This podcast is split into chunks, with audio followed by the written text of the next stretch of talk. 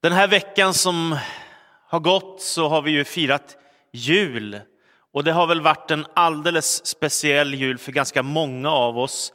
För många så är julhögtiden en tid när man får träffa mycket släktingar och vänner och ha stora kalas och äta mycket mat tillsammans och så. Kanske inte för alla, men ganska många är det så för.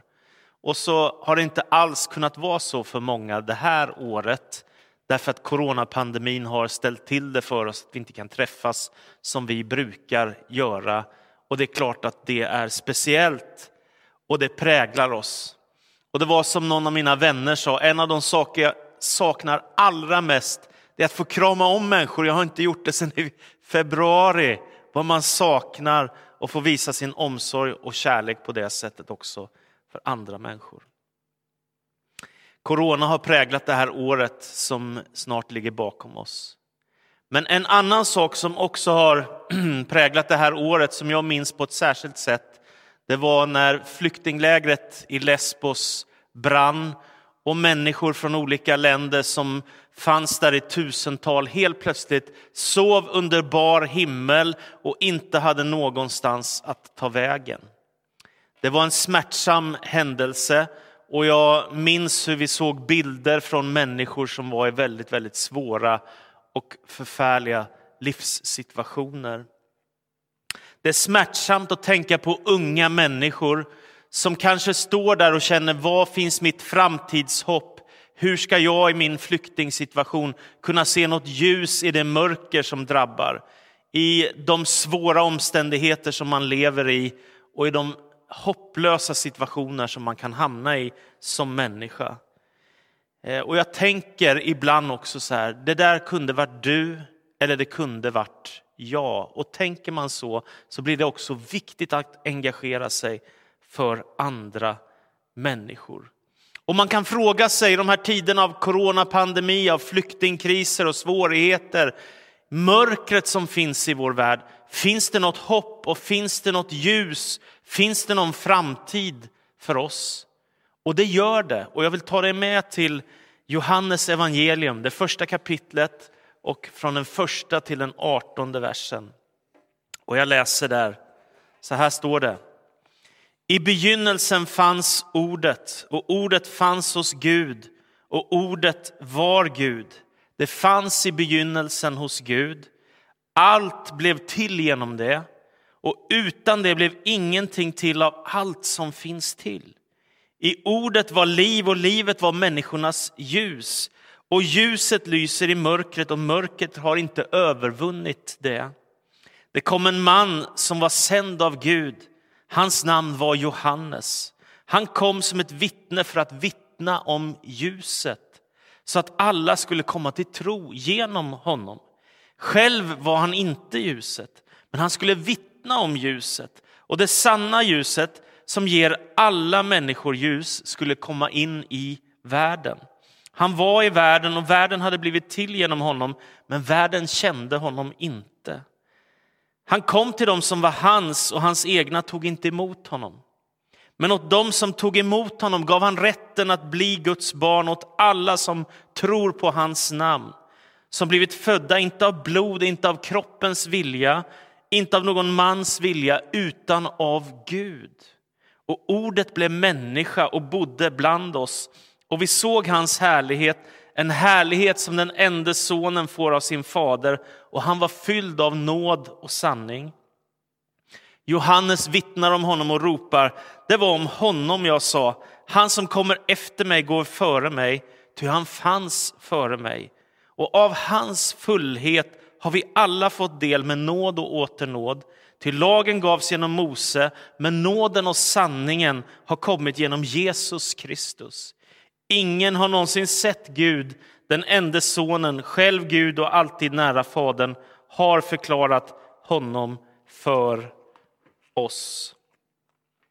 Det här är en fantastisk bibeltext. Inledningen till Johannes evangelium är helt unik bland de fyra evangelisterna i Nya testamentet som ju är Matteus, Markus, Lukas och Johannes. På ett dramatiskt sätt så förs vi in i ett svindlande perspektiv. Det hissnar för oss när vi läser det som evangelisten Johannes skildrar i sitt första kapitel. Han tar oss med till tiden före skapelsen, innan universum börjar existera. Och så säger han i begynnelsen var ordet och ordet fanns hos Gud och ordet var Gud. Och ordet är på grekiska grundtexten logos och det är en syftning alltså på Jesus Kristus själv. Så det som Johannes skriver det är i begynnelsen fanns Jesus Kristus. Han fanns hos Gud och han var Gud. Det är det som Johannes förklarar och säger med sin teologiska utläggning av inledningen till själva Jesusberättelsen. Det ger en slags inramning, ett perspektiv till hela storyn kring Jesu liv som är fullständigt fascinerande. Bakgrunden är inte bara att Jesus är en människa bland många, att han är en vishetslärare bland många, att han är en profet bland många, att han är ovanligt karismatisk och dynamisk person eller vad det nu kan vara som vi tänker på i jämförelser. Utan Jesus Kristus, han har namnet över alla andra namn. Och Jesus Kristus står över alla andra. Det finns ingen som Jesus. Och det är därför det är så fantastiskt att lära känna Kristus. Och det är det här som Johannes, när han ska skildra Jesus berättelsen så är introduktionen som en slags klimax redan från början. Han berättar rakt på sak. Gud har kommit till jorden i Jesus Kristus. Guds son har blivit människa. Det är makalöst stort. Det är en hisnande tanke att Gud har kommit till oss i Jesus. Kristus. En av de mest berömda teologerna på 1900-talet, han hette Karl Barth. Och han skriver så här i en av sina betraktelser om Jesus Kristus. Gud blev människa. Tänk om denna nyhet en dag stod i tidningen. Det är verkligen en sensationell nyhet. Sensationellare än allt annat.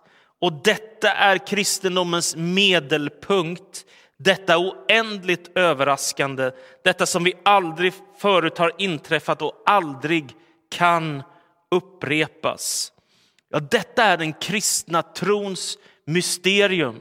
Att Gud i sin storhet som är Fader, Son och helig ande sänder sin son ifrån himlen för att bli människa och så föds han in i världen som ett litet barn. Och det är precis som sångaren Michael English sjunger i en av sina sånger. Han säger Maria, alltså Jesu mor, Maria, visste du att när du kysste det lilla Jesusbarnet så kysste du Guds ansikte. Det är detta som evangelierna och som Nya testamentet säger om Jesus Kristus. Han är Gud som har blivit människa, ordet som blev kött eller ordet som blev människa och tog sin boning ibland oss. För mig ger detta ett oerhört hopp. Det ger ljus och glädje in i vår värld att Gud inte har lämnat den här världen till sitt öde utan att han har sänt sin son, Guds son, Messias, världens frälsare och världens enda hopp. Han har kommit till oss för att uppenbara Gud för oss, förklara för Gud för oss och ge ett ansikte åt Gud i världen. Tänk att han har vandrat på våra gator, gator som i Jerusalem eller Betlehem eller andra platser. Och så står det i den fjärde versen i första kapitlet i Johannes evangelium. I ordet var liv och livet var människornas ljus och ljuset lyser i mörkret och mörkret har inte övervunnit det. Det är precis exakt av den anledningen som Jesus Kristus kommer till oss. I en värld som kan verka så mörk och så hopplös och så destruktiv som den kan vara ibland. Så kommer ljuset in i världen och detta ljus är Jesus Kristus. Han själv säger om sig själv, jag är världens ljus och den som kommer till mig ska inte leva i mörker utan få del av detta ljus. Jesus Kristus är ljuset. Och jag tror För dig som sitter där hemma och tänker att livet är mörker och det finns ingen framtid och det finns inget hopp, så vill jag skicka med det som ett profetiskt ord in i, ditt vard, in i din vardag. Detta att ljuset lyser i mörkret och mörkret har inte fått makt över det. Så är det. Den kristna tron säger att Jesus Kristus är Herre. Den kristna tron säger att han har fått all makt i himlen och på jorden.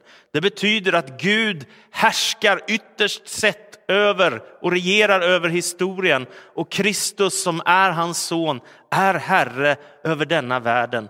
Det vill säga, vi är inte utlämnade här till oss själva, till vårt livsöde och, och den som har mest makt i världen just nu kan regera, utan ytterst sett så är det Gud som har makten och Kristus är Herre över alla. Och det betyder att Gud en dag kommer att göra slut på allt det onda och ljuset kommer till sist att segra. Ondskan har inte det sista ordet, utan Kristus har det sista ordet. Och Gud är den som har den yttersta makten. Och det fantastiska med denne Gud som vi predikar och denne Kristus som vi predikar, det är att Gud älskar oss och att Kristus älskar oss och har gett sitt liv för oss. Därför är det fantastiskt att vila i tron på den Gud som har skapat oss och som vill dra in oss i gemenskap med sig själv. Jesus Kristus är världens ljus. Så du som känner att livet är mörkt, du som är i kanske en depression eller du som går igenom en svår tid eller du som har varit väldigt, väldigt ensam i coronatiden. Jag skickar med dig detta ord. Ljuset lyser i mörkret och mörkret har inte fått makt över den och det kommer inte få makt över ljuset. Ljuset är alltid starkare än mörkret. Så finns det människor som den här texten säger som säger, äh, jag vill inte ha med Kristus att göra. Det valet står oss fritt som alla, som människor och som individer.